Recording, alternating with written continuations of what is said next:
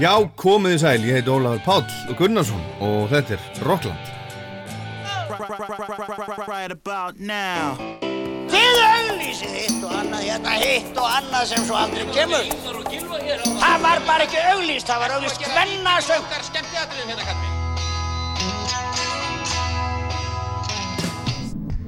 Hvað gerir kvöld? Kíkja á tónleikana? Ekki? Það er ekki beint fyrir mig að vera innan um einhverja brjála úlinga. Hvað minnur þau?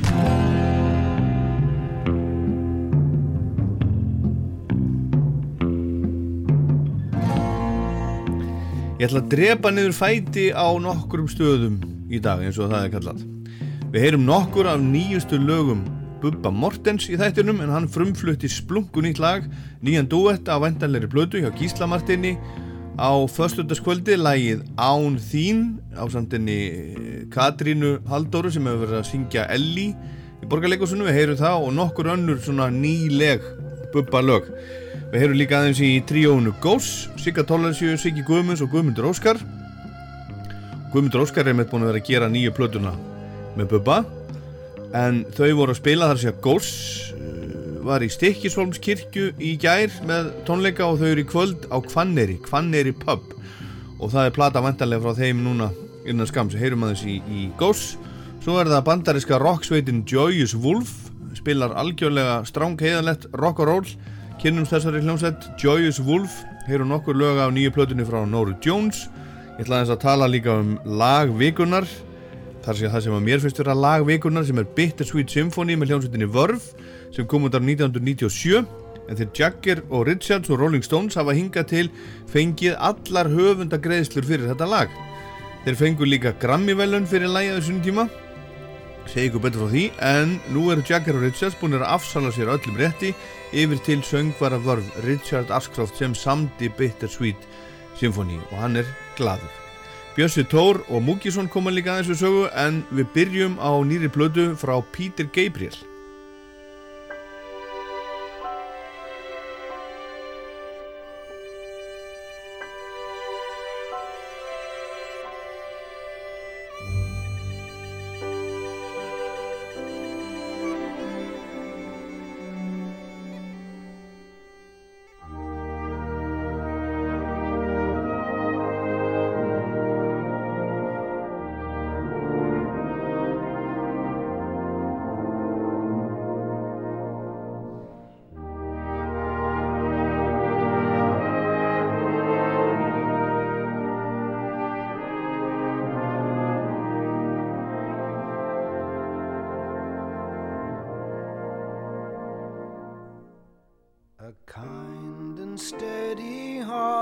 Breski tónlistamæðurinn Peter Gabriel sem í eina tíð var söngvari og andlit hljómsveitarinnar Genesis þegar hún sló í gegn svo merka hljómsveit en hefur verið að senda frá sér sólarplötur á og til síðan 1977 var að senda frá sér plötur núna um daginn sem hefur að geima sapplaga sem hann hefur samið fyrir kvikmyndir í gegnum tíðina.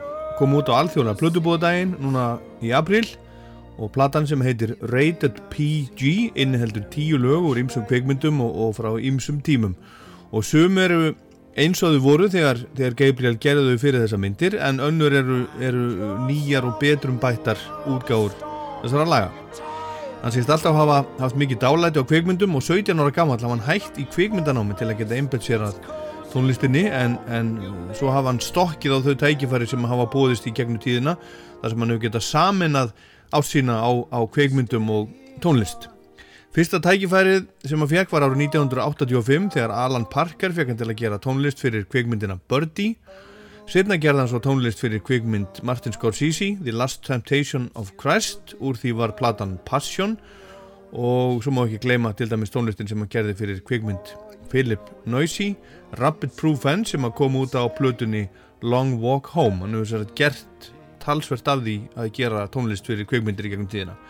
Ég hef alltaf elskað kveikmyndir og hef stokki á það þegar mér hefur bóðist að vinna með góðum leikstjórum að góðum myndum sagði Gabriel í viðtali fyrir skemmstu og uh, þessi plata er sérsagt blanda af lögum sem hann hefur samið fyrir kveikmyndir sérstaklega og önnur lög sem hafa verið nótuð í hinnar ímsu kveikmyndir, lög sem hann var búinn að gefa út.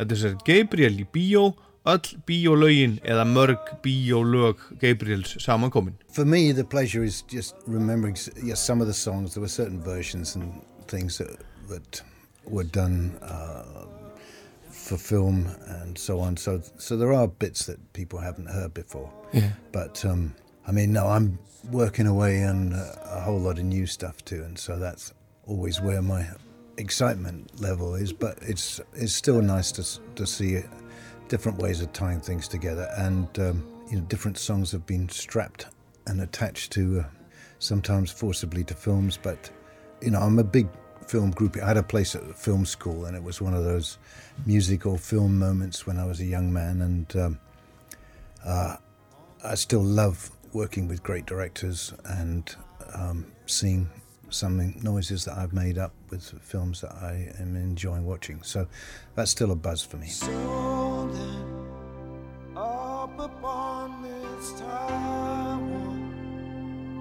looking at the street lights, all spread out like a banquet. Why is this room so silent? Only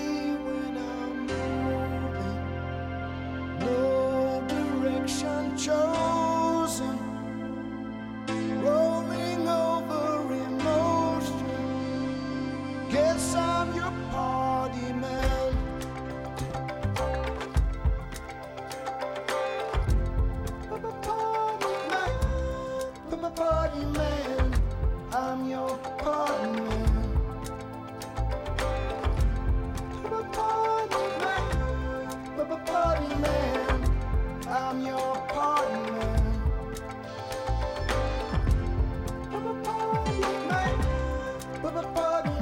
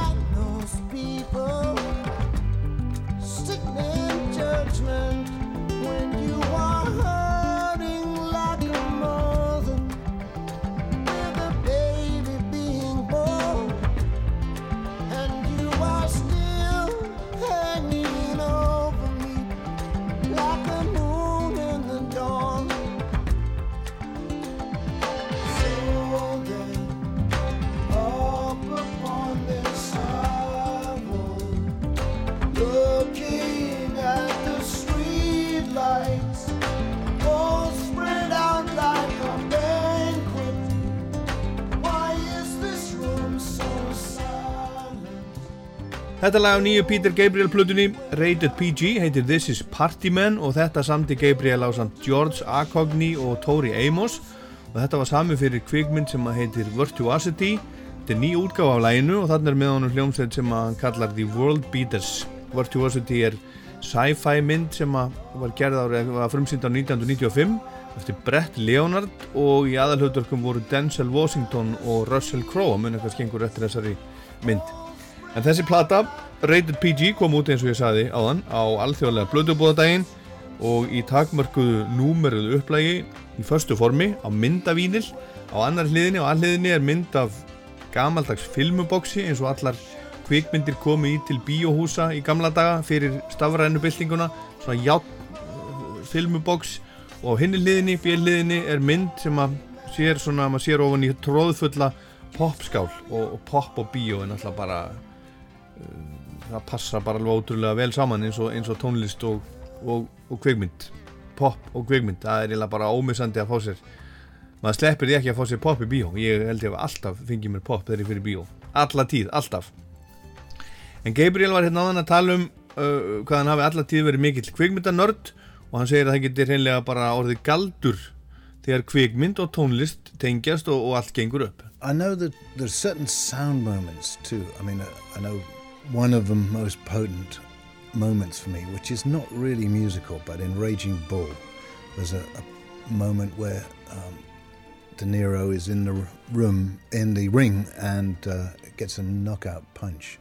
And instead of sort of um, going to climax of all this audience noise, Scorsese takes it into silence, and you hear these tinkling noises, so high frequency tinkles, and it's it's just um, it's a magical moment for me.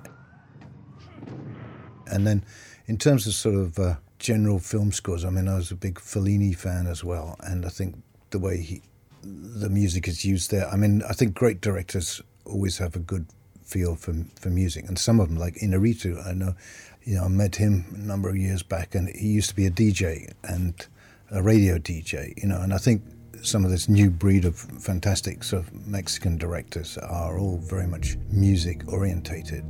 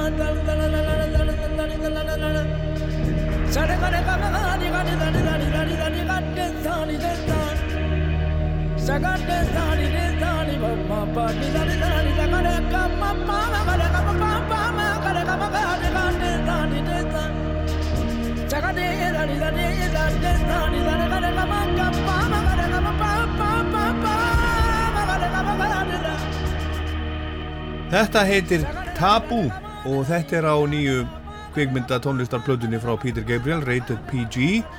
Þetta sömduður saman Gabriel og Nusrat Fateh Ali Khan og uh, hann er þarna í aðalutverki, Nusrat Fateh Ali Khan. Hann lést fyrir rúmum 20 árum að aðeins 48 ára gammal.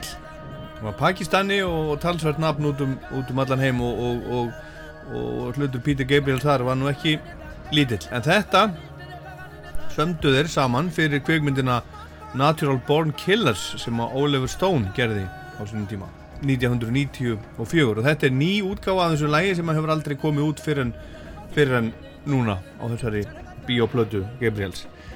Og hann segir að það sé gefandi og skemmtilegt að fá í hendurnar kvikmynd og reyna að gera hana aðeins betri með því að semja við hana viðegandi tónlist. Well, I personally enjoy it. You know, it's like suddenly um, you're working for someone else. You've got a job. And you've got real deadlines and, and someone who will whip the hell out of you if you don't meet them. And uh, i at the same time, you know, you're trying to su- serve someone else's vision.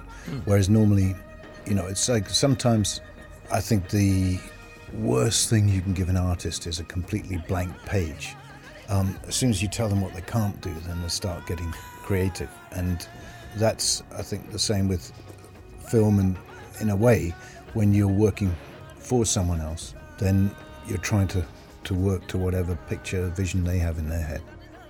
Já, Gabriel segir að það gefa honum heil mikið að vinna með öðrum á þennan hátt að semja tónlist við kvikmyndir annara og hann segir að í sínum huga sé eitt af versta sem listamæður lendi í það er það ef að, ef að allt er galopið, allir möguleikar opnir, allir vegi færir það sé miklu betra strax ef það er búið að segja hvað ekki má, hvaða leið er ekki hægt að fara og hún er fyrst gaman að vera með þjóna öðrum og, og, og þeirra sín, búið eitthvað til fyrir aðra innan, innan þess ramma sem að þeir eru, eru búinir að skapa en hvers konar verkefni, kveikmyndaverkefni heitlan nú fyrst og fremst Well, uh, yeah, if it's a score, it's a very different sort of relationship. And the music, if it's just songs, uh, sometimes they'll be added afterwards. But occasionally, you know, that directors like to have the soundtrack and shoot to a soundtrack. I was working with Scorsese on the Passion record. That was how he was working, uh, uh, partly because he had a seven-year delay. But you know, he wanted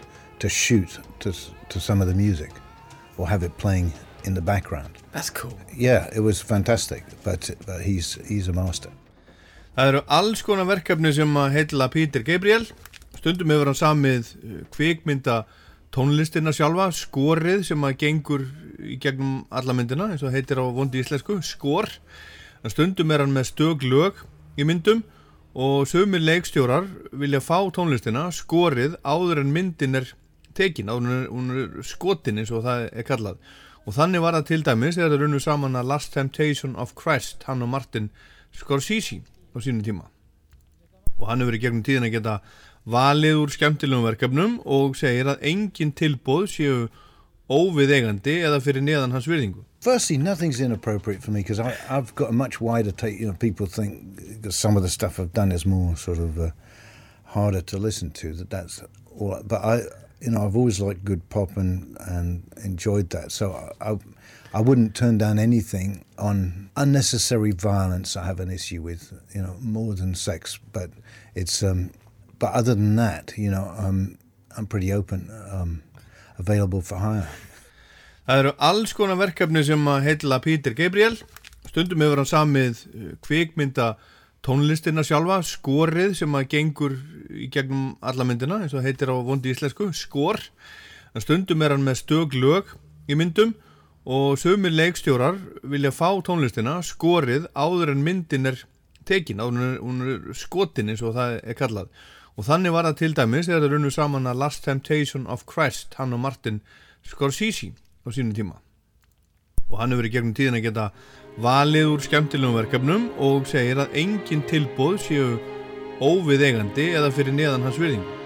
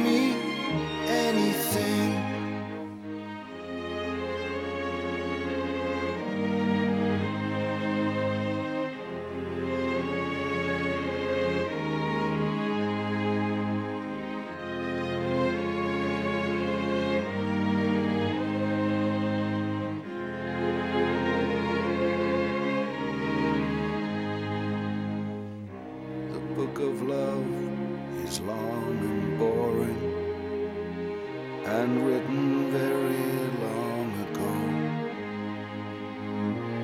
It's full of flowers and heart shaped boxes and things we're all too young to know.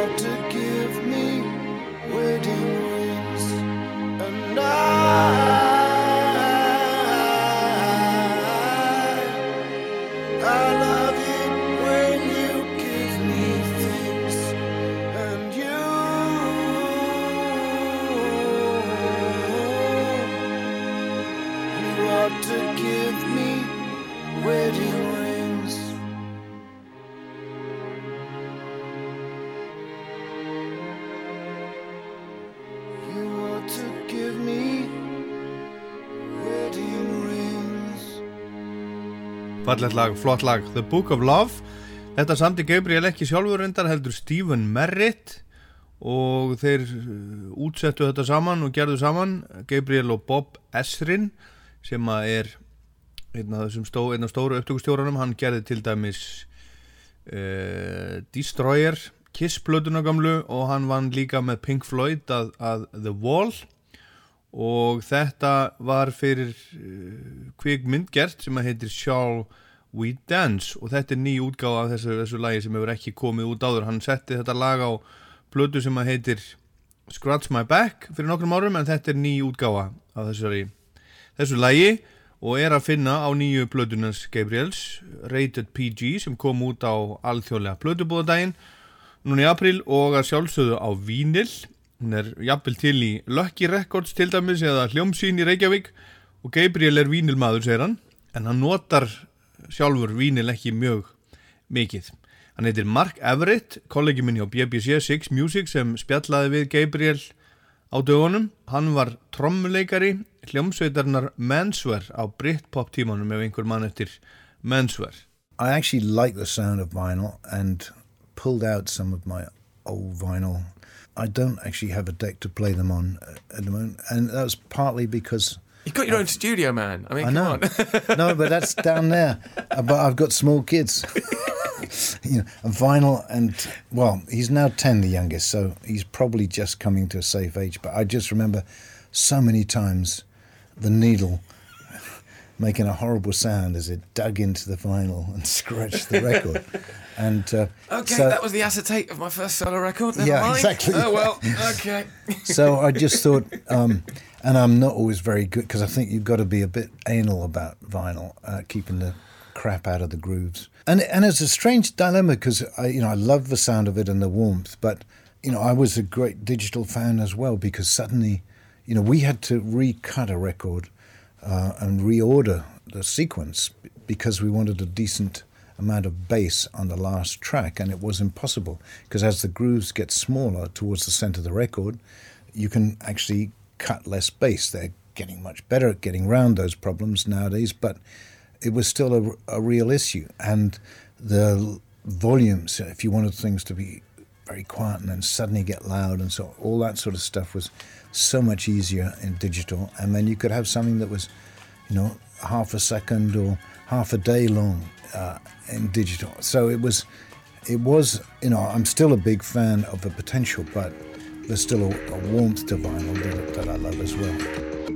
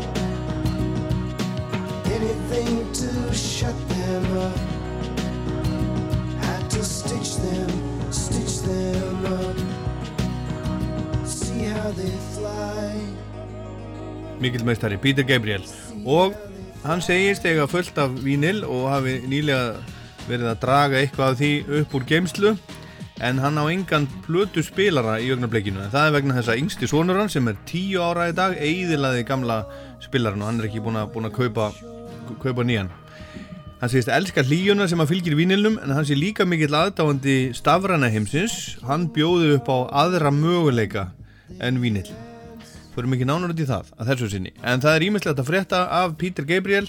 Konuna sátti við veikindastríða um tíma og hann uh, gaf sér góðan tíma í að, í að hugsa bara vel um hana og hjálpa henni í hennar veikindum og uh, hann er með nýja plötu í smíðum og jafnvel fleiri en eina. I'm getting, uh, I'm really enjoying it. I, you know, I, my wife was ill for a while, so I was slowed down and being a carer for a, a good while. But now I'm, you know, I'm very happy to say she's she's doing very well, and uh, so I'm getting back into music making and really uh, loving it. And there's about 50 ideas I'm working on, and um, working at my usual snail's pace. But there will be something coming out soon, and. Um, all this time, you know, I have been working on new stuff, so there should be.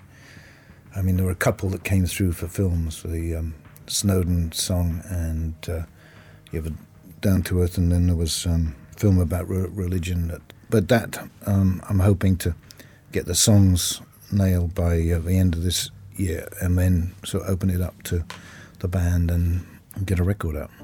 Um, and I'm also trying to do some simple piano versions of things, which mm, I don't know if be enough to make a, a whole record or not, but that's something I'm looking at.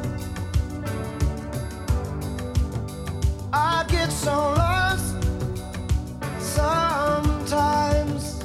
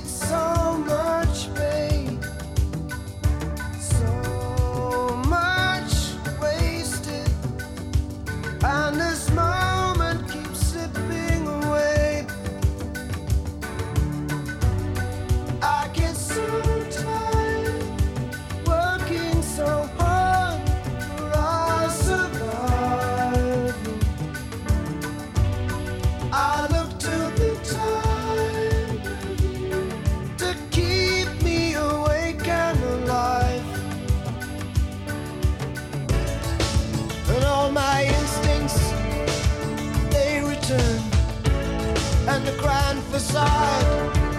So soon we'll burn.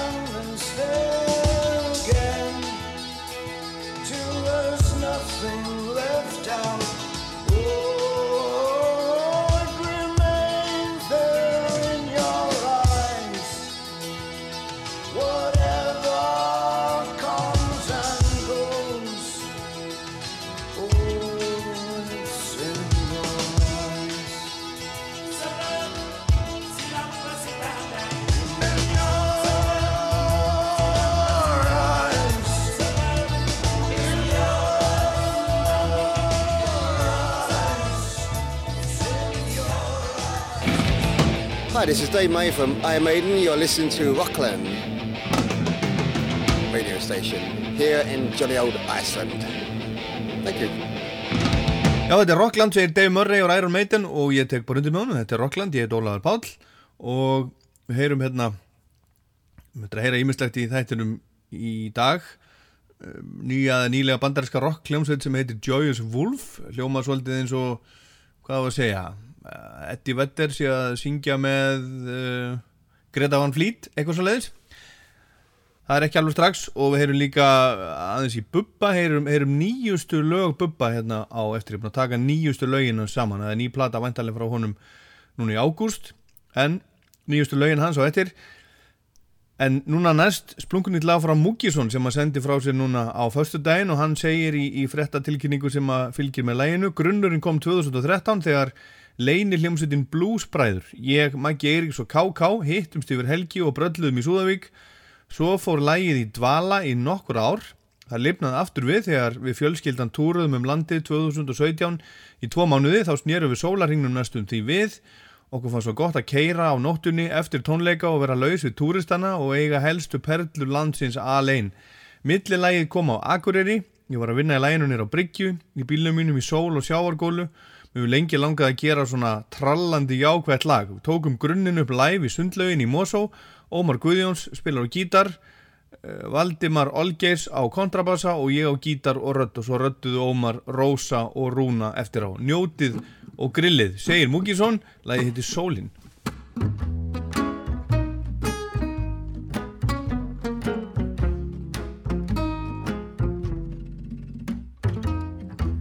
Styr í sólarhingnum við.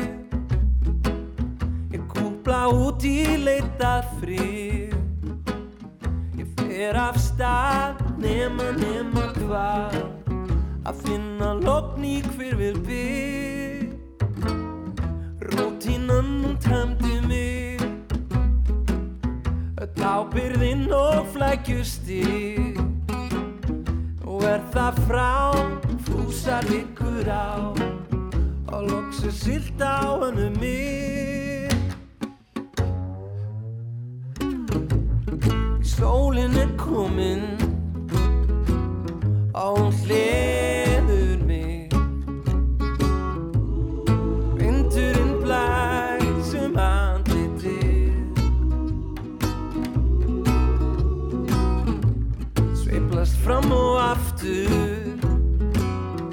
takt við útvarpið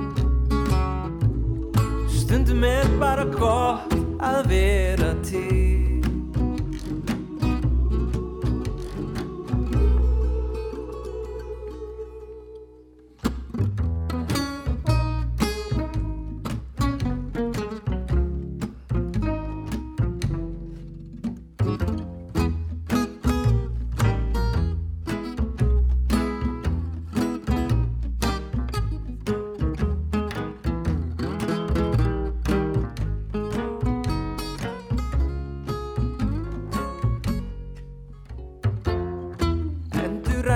þessa vél Bóna fængi gogg og stjél Ég stappa af nema nema hvað Finn í mér ást og líður vel Já, sólin er komin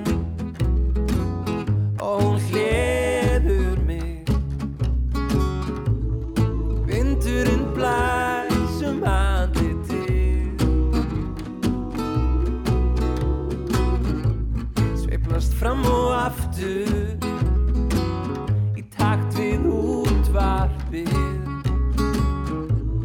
Stundum er bara gott að vera til. Já, sólinn er komin.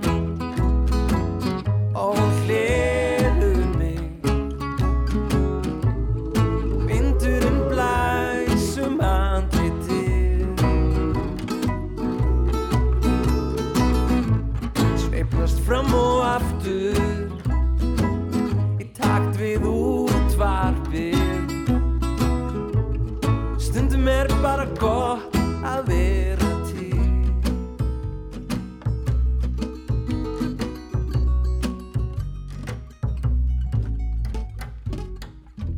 Splungu nýtt frá Múkisson Sólin heitir þetta, við mörglettir að heyra þetta.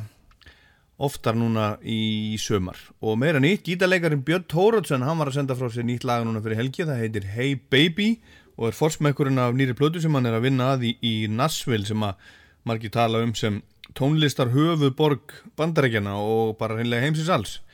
En það var hinn heimsþekti gítarleikari Robin Ford sem að stjórnaði upptökum á læginu og þessari vantarlegu plötu og hann spilar með, með Bjössa á plötunni og útgáðu fyrirtæki hans sem heitir 13J gefur plötuna út í bandarækjanum og lægið er eftir Bjössa sonur hans Erlingur Tórótsen samt í textan sem söngkonan Mackenzie Wasner syngur hún söng líka á síðustu plötu Bjössa sem hann og Robin Ford gerðu saman. Svo plata fekk alveg fínar viðtökur í bandarækjanum og var fórsenda þess að það var ákveðið að gera nýja plötu sem kemur út núna síðar á þessu, þessu ári. En samstarf Björsa og Robins Ford hóst fyrir nokkrum árum og þeir hafa haldið saman tónleika bæði í bandarækjónum og Evrópu auk þess að vinnað upptökum Björsa með framúrskarandi tónlistamönnu það, er, eru engir það eru engir sem eru ekki búinir að æfa sig sem eru uh, með í, í þessu og þetta lag hérna sem við heyrum Hey Baby, þetta er svona country skotin blues með rockuðum undirtóni segir í frettatilkynningu Lægið drifið áfram að margslungnum gítarleik Björns Tórótsen og Magnari Rödd Mackenzie Wasner og lægið er komið inn á helstu tónlistarveitur þar á meðal Spotify. Hérna er sem sagt Björnsi Tór, Robin Ford og Mackenzie Wasner Hey Baby.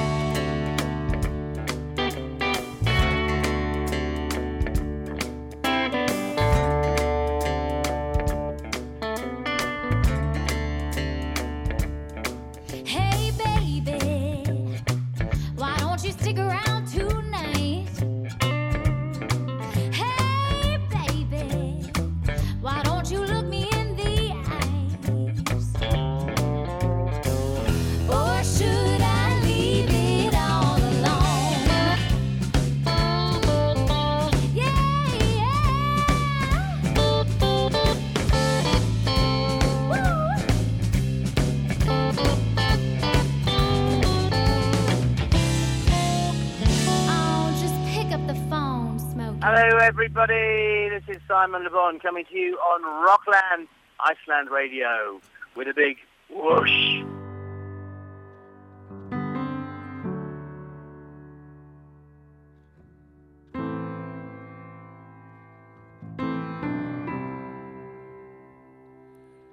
Hver segir þú megir ekki dreyma Hver segir þú átt ekki hér heima. Átt þína von. Átt þína trú. Byggður draum. Þína lífsins brú. Velkomin.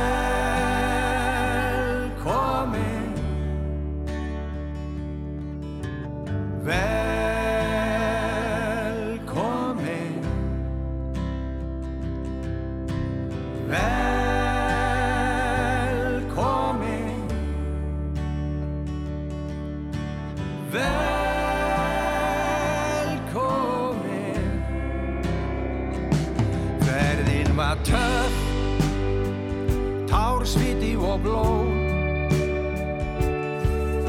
Hún var tróðin Þessi grýta sló. Velkomin Hér áttu heima Hér máttu sannarlega Láta því dreyma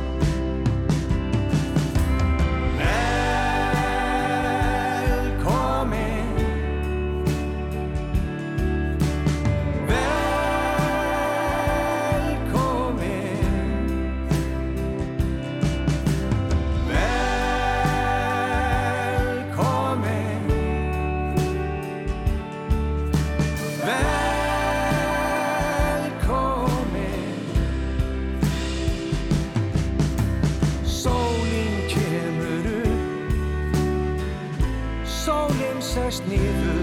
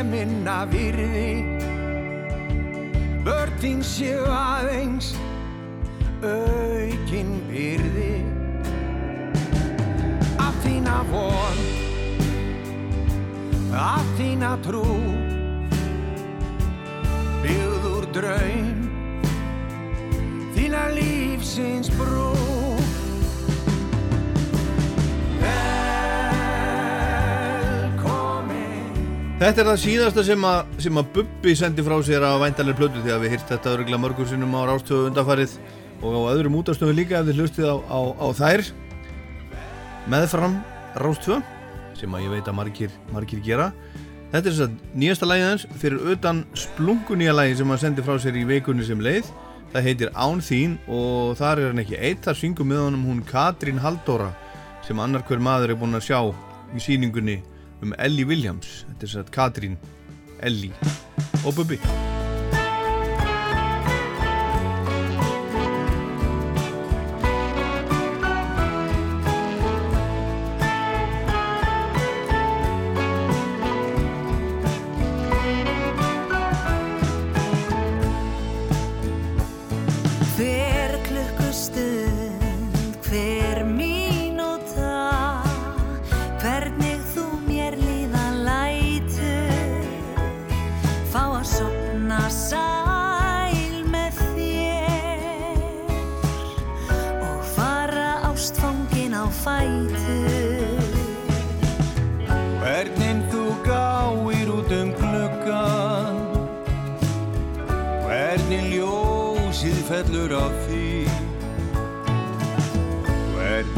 þú drekkur þitt kaffi. Hvernig þú horfir bara á mig.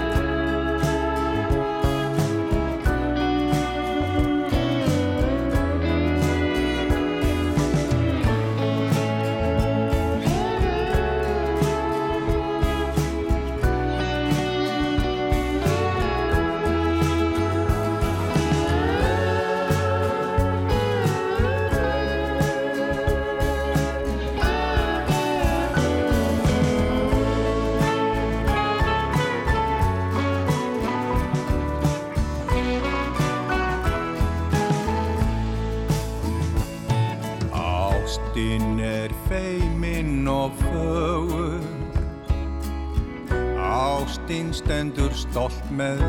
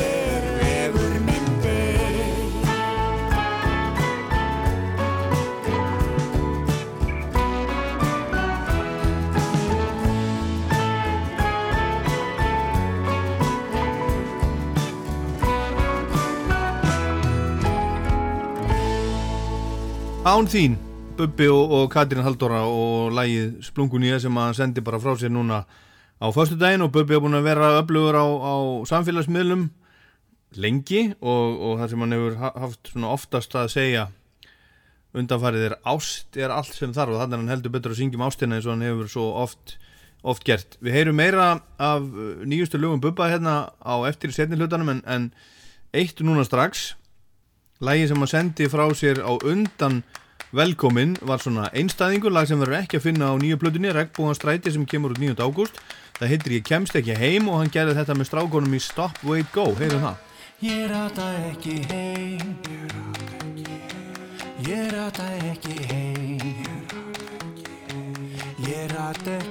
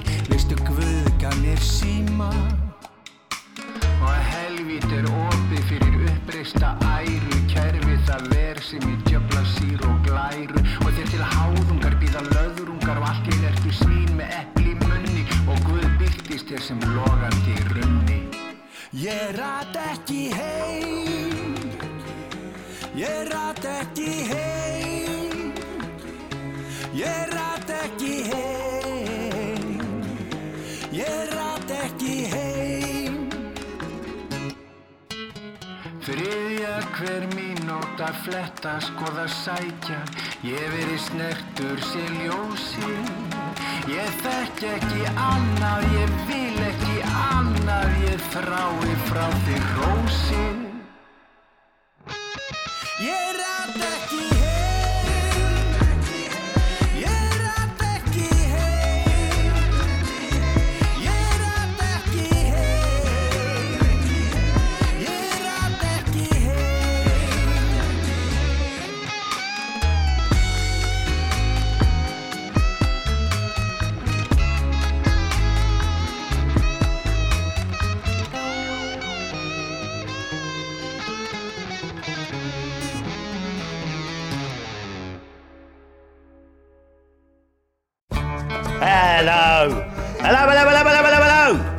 Rotten here. Hello, Rockland. How you doing? Have a bang of this number, baby.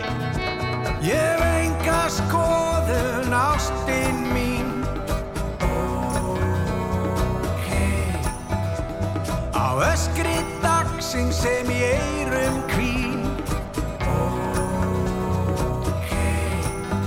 Vera spakur vinda Venjur slæmar í lífinu hér Bara liggja í bláma, lesa ljóð Og hvíst í vindin verið góð. Ég hef enga skoðun álfurinn minn. Á öskri netsinn sem í eyrum kvín. Ætla að byrja að breyta sjálfum mér Boltinn hefur alltaf verið hér. Ísbreiðan smittnar í sólinni þú Sérðu jöklarnir hverfa hér og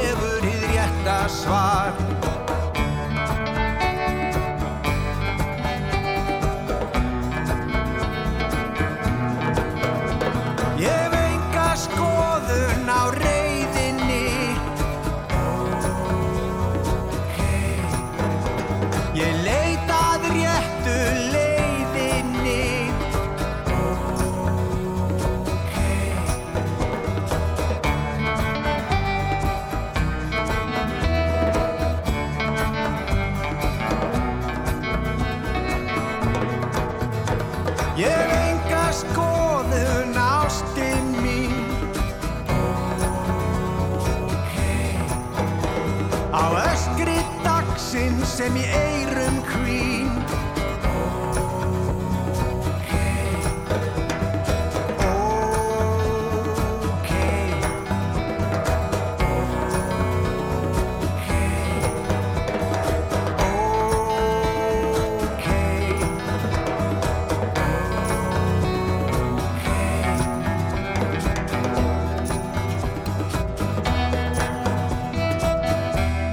Þetta er Rockland á Rástfjög, ég heit Ólafur Páll Gunnarsson og þetta er Bubbi Mortens og lagið hans Enga skoðun, ég hef Enga skoðun sem að koma út á síðustu plötunans, nýjustu plötunans, stóru plötunans tungumál sem að koma út árið 2017 það er þessi nýja plata sem að kemur út 9. ágúst sem að heitir Regnbógan stræti og við erum búin að heyra tvö lög á henni, heyrðum Velkomin sem að hefur heyrst reglulega hérna á rásin undanfarið og svo Án þín sem hann söng með henni Katrínu Halldóru sem að leikur Elli í borgarleikursunu, ennþá. En fáum eitt lag með Bubba til viðbótar sem er að finna á plötunum sem kom á undan tungumál. Næsta plata þar á undan það er platan Átján konur sem hann gerði með kvenna hljómsveitinni Spaðadrottningunum við skulum heyra eitt lag þaðan sem að heitir Jafnrétti en heyrum að segja frá læginu fyrst.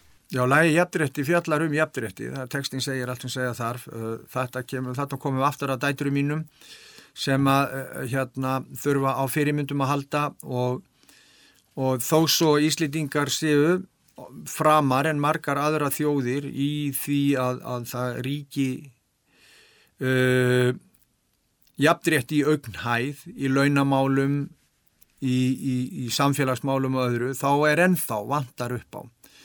Og hérna og kórusinn viðlægið í þessu lægi jafnrétti fyrir dætur mínar jafnrétti fyrir dætur þínar jafnrétti fyrir land og þjóð öskrar vort blóð. Þetta er svona, þetta segir allt sem segja þarf. Jafnrétti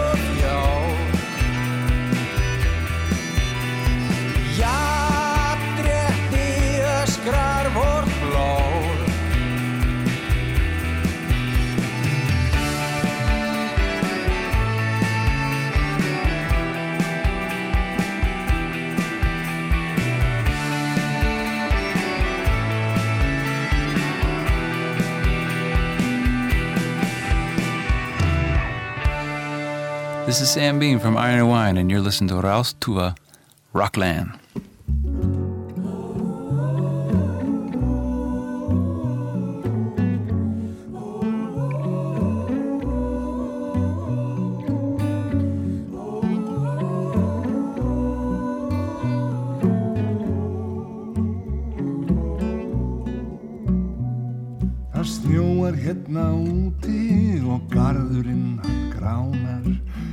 Garðastrætis húsin verða hlýlega sjá og kertaljósin skuggar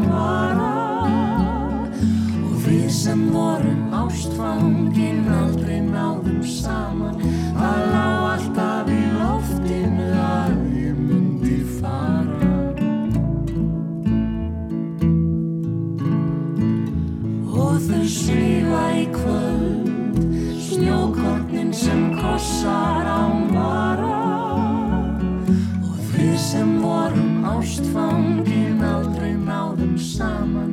Það lá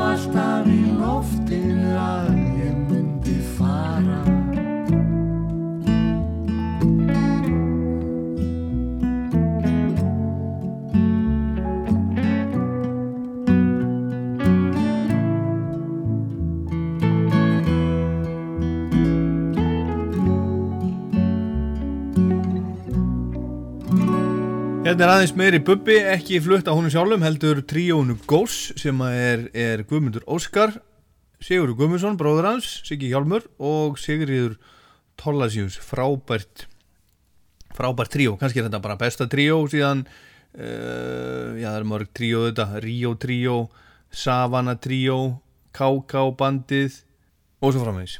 Þetta er allavega frábært tríó og þetta er vel gert, þetta er að finna á, á, á plötu sem er að koma út núna í júni sem heitir N-Teeth, hinn og þessi lög í flutningi góðs, lög eftir Nýdönsk og stjórnina og Bubba og hina og þessa. Og þau voru að spila núna í gerkvöld í Stikkisholmskirkju og eru á uh, Kvanneri pub í kvöld.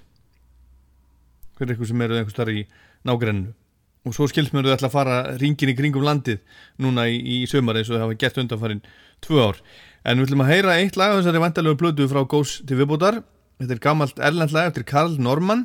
Loftur Guðmundsson gerði textan og Hallbjörg Bjarnadóttir gerði þetta vinsalt fyrir mörgum, mörgum, mörgum, mörgum árum. Og þetta er vel gert hjá Gós eins og allt sem við gera, en það manni hvar.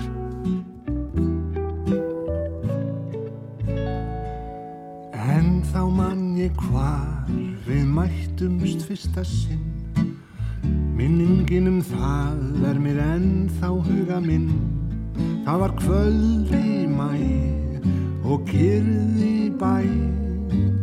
Er við gengum saman út með sæ. Meðan kvöldgróðinn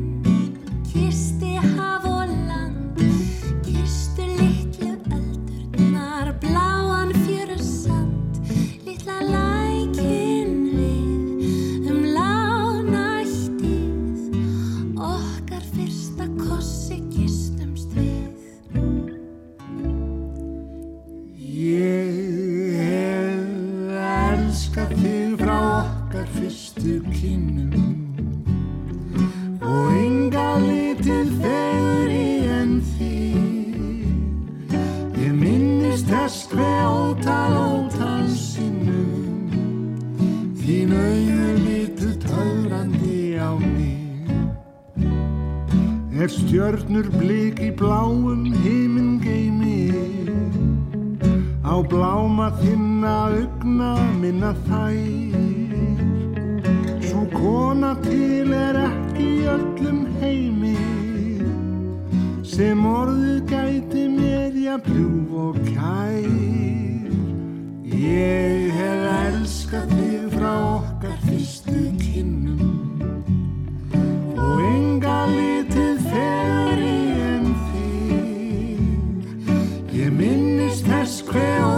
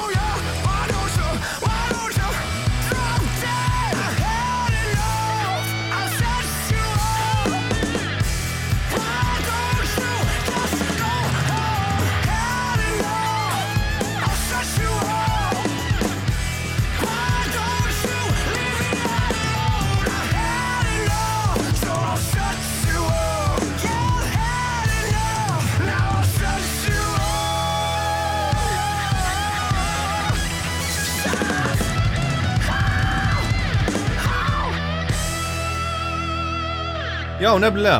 Þetta sem við heyrum hér er bandaríska rocksveitin Joyous Wolf frá Kaliforníu en heitast að nýja rocksveitin í dag segja þeir hjá Classic Rock á minnstakosti. Þetta er rockband af gamla skólanu sem gæti hafa komið fram í raun á hvaða áratug sem er síðustu fimm áratugina. Söngvarinn sem heitir Nick Reese minnir á köplum á Eddie Vedder og Pearl Jam rallega en sem sviðismæður minnir hann frekar segja þeir á David Lee Roth og James Brown. Þetta er náingi sem er helst aldrei kjur heldur dansar hann um sviðið og klifrar í sviðisgrindinni á tónleikum, hendi sér í gólfið og rúlar sér þar og veldir en þessi ljónsett, Joyous Wolf, þetta er kvartett strákarnir rétt rúmlega tvítugir. Söngvarinn Rís er búin að vera í hinn og þessum pop, rock og alternative rockböndum eh, hinga til eh, áður en þessi hljómsveit, hljómsveit fættist bara frá því að hann var unglingur. Gítarleikarinn Blake Allard var í death metal bandi um tíma. Bassarleikarinn heitir Greg Barkio og trommarinn Robert Sodoro og saman eru þeir bara ansi tröstuveikjandi Joyous Wolf. Og fyrsta lægi sem við sendum frá sér var ekki eftir þá sjálfa heldur, heldur þeirra útgáfa af gamla Mississippi Queen eftir hljómsveitina Mountain sem kom út með Mountain árið 1970 heyrum það með Joyous Wolf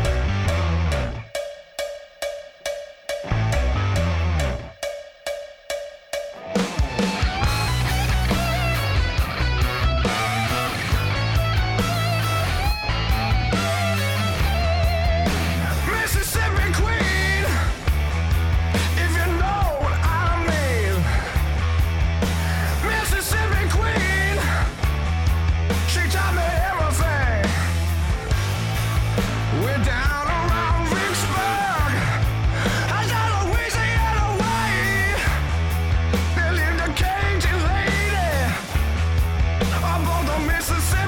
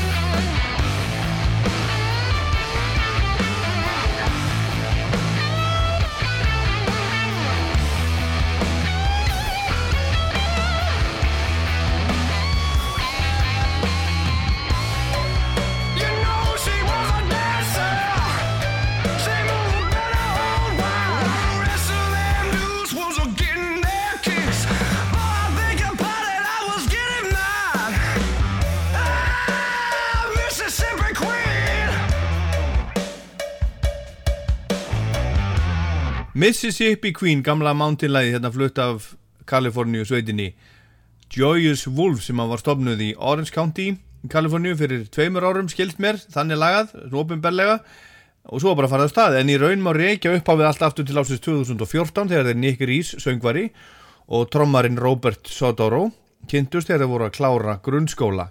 Þeir fóru svo hvori sinn mentaskólan trommarinn kynntist svo bassarleikarunum Greg Bracchio og Reese söngvari kynntist gítarleikarunum Blake Allard í Guitar-center í Los Angeles. Þeir duttu það saman í, lag fór að spila saman hérna í þessari stóru og miklu plötubúð Bonaðum Bayou eftir Creedence Clearwater Revival með þessu og eitt leitt af öðru og Joyous Wolf var til svona í, í rólega heitunum og það var fullt af rockböndum í gangi í kringu þá þannig Kaliforníu en samt voru þetta ekki rockbönd með stóru erri heldur eitthvað indie væl og rugl segja þeir sjálfur við nennum því ekki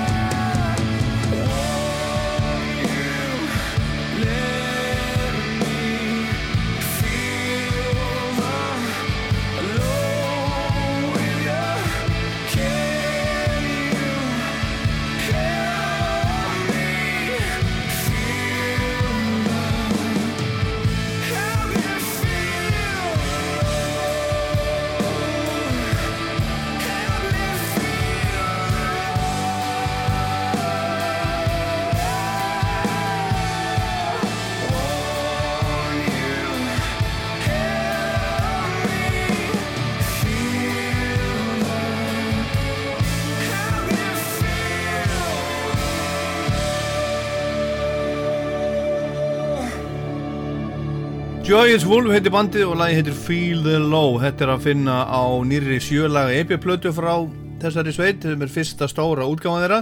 Þeir voru bara búin að senda frá sér tveggjalaga smáskífu fram að þessu og það er Mississippi Queen að annað lagið, heyrðu það hérna áðan.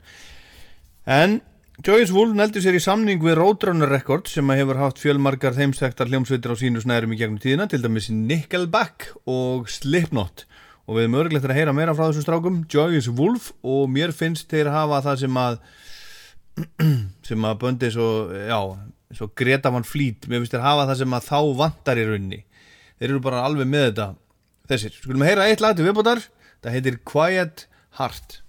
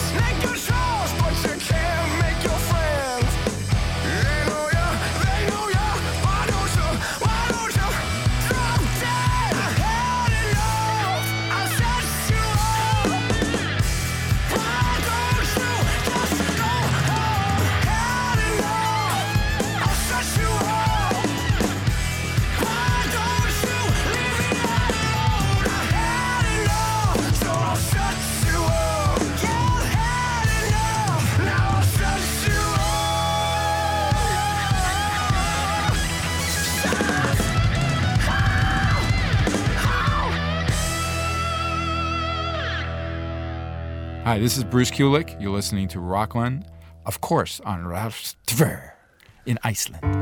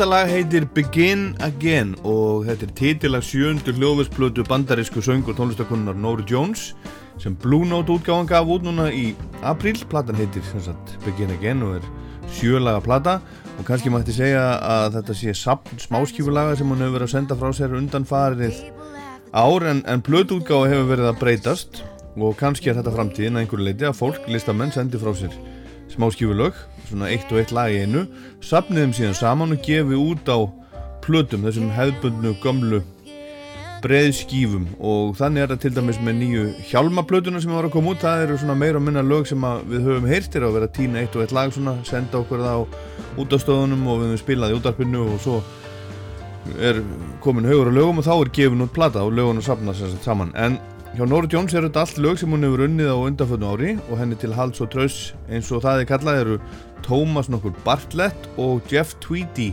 úr Wilco.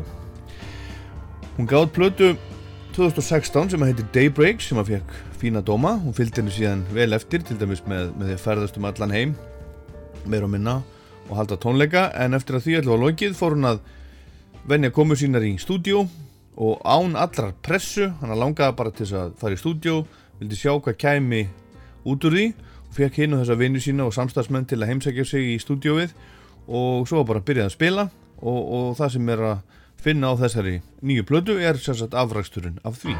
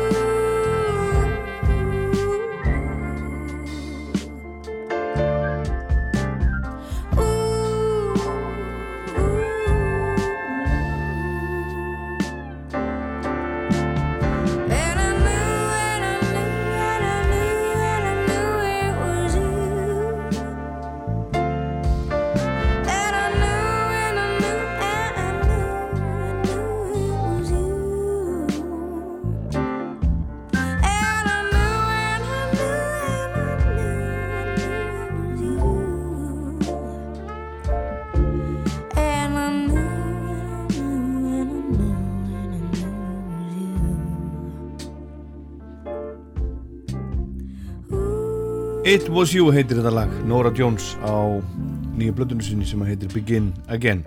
Nora segir um þessa blödu að, að hún hafi verið galopin fyrir því að prófa nýja hluti án allra pressu og, og með fókusun á að hafa bara gaman, gera skemmtilegt. Sé frábær leið til þess að vinna með fólki. Bara dagur eða þrýr í, í stúdíóin og sjá hvað kemur út úr því.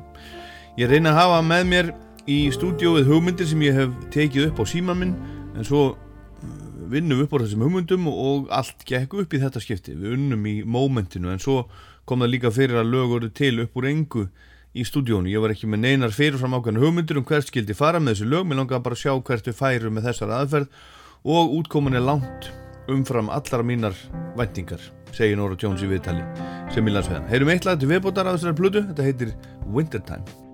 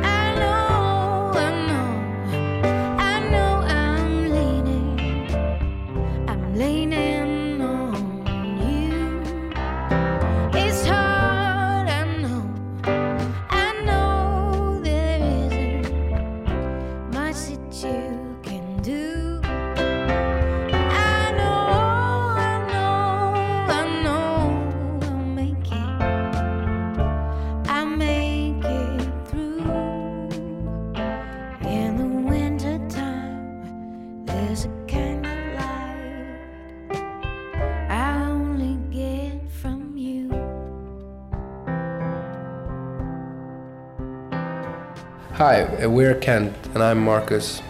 And I'm Martin, and you're listening to Icelandic National Radio 2.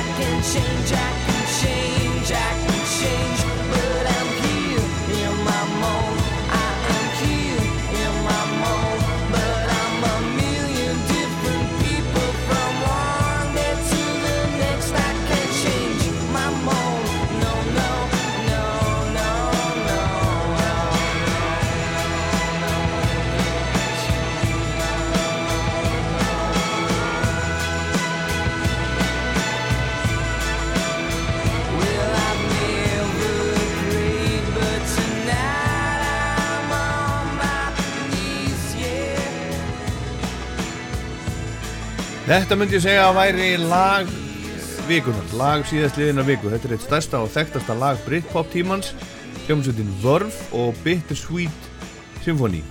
Það lag kom út á plötu sem heitir Urban Hymns, þriðju plötu hljómsveitarinnar Verve, sumari 1997 og sló umsjöfu laust í gegn, náðu til dæmis öðru sæti breska listans og var gríðarlega mikið spilað í útvarpi um allan heim og er enn mikið spilað við það og, og þetta hefur sem sagt skapað höfundum miklar tekjur í gegnum tíðina.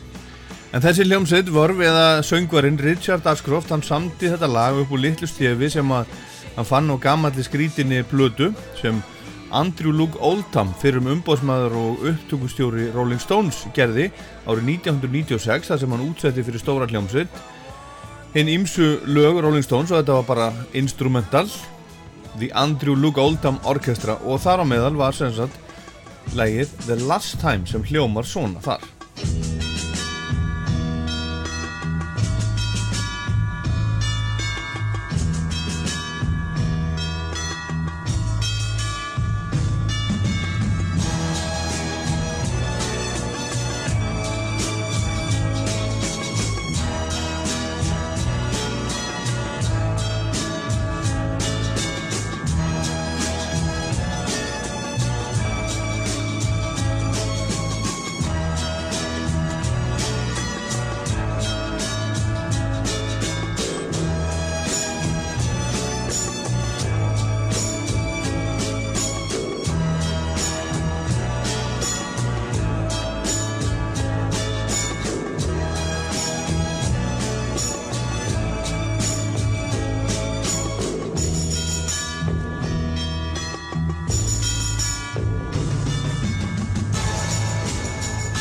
Það verður að segja þess að vera að þetta er miklu líkara Bittersweet Symphony heldur en, en uppálega stónslæginu The Last Time. En svona hljómar þess að The Last Time eftir Jagger og Richards í flutningi The Andrew Logue Oldham Orchestra árið 1966 lægi sem Bittersweet Symphony er svo sannlega búið til upp úr.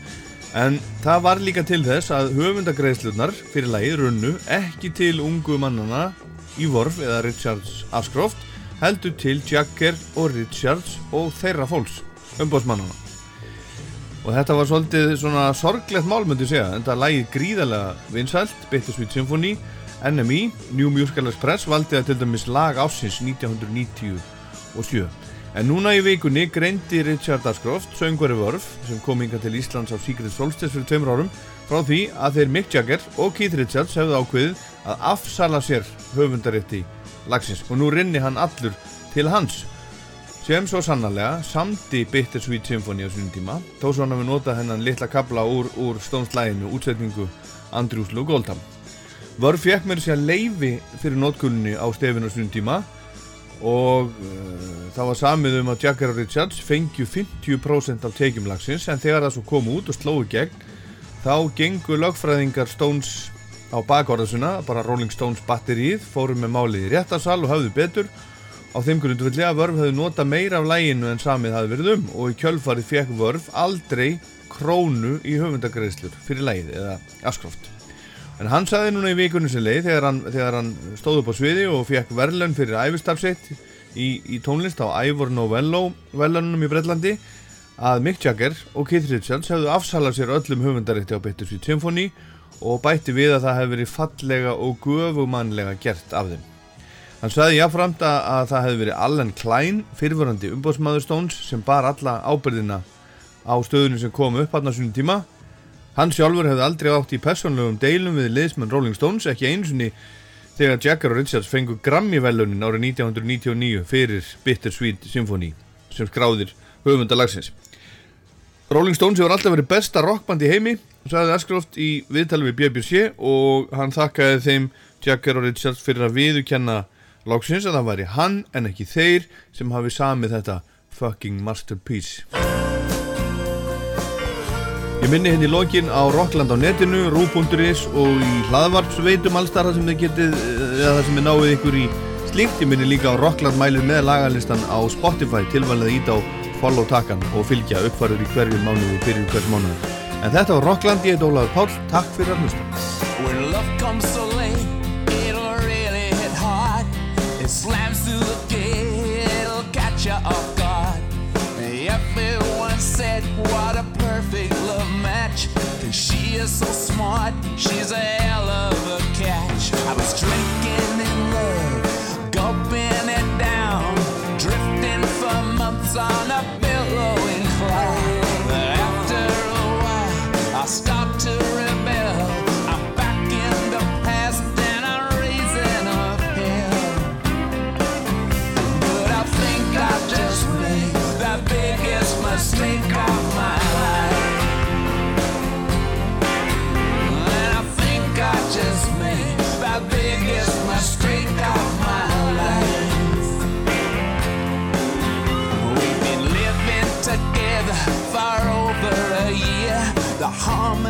perfect, it rang loud and clear.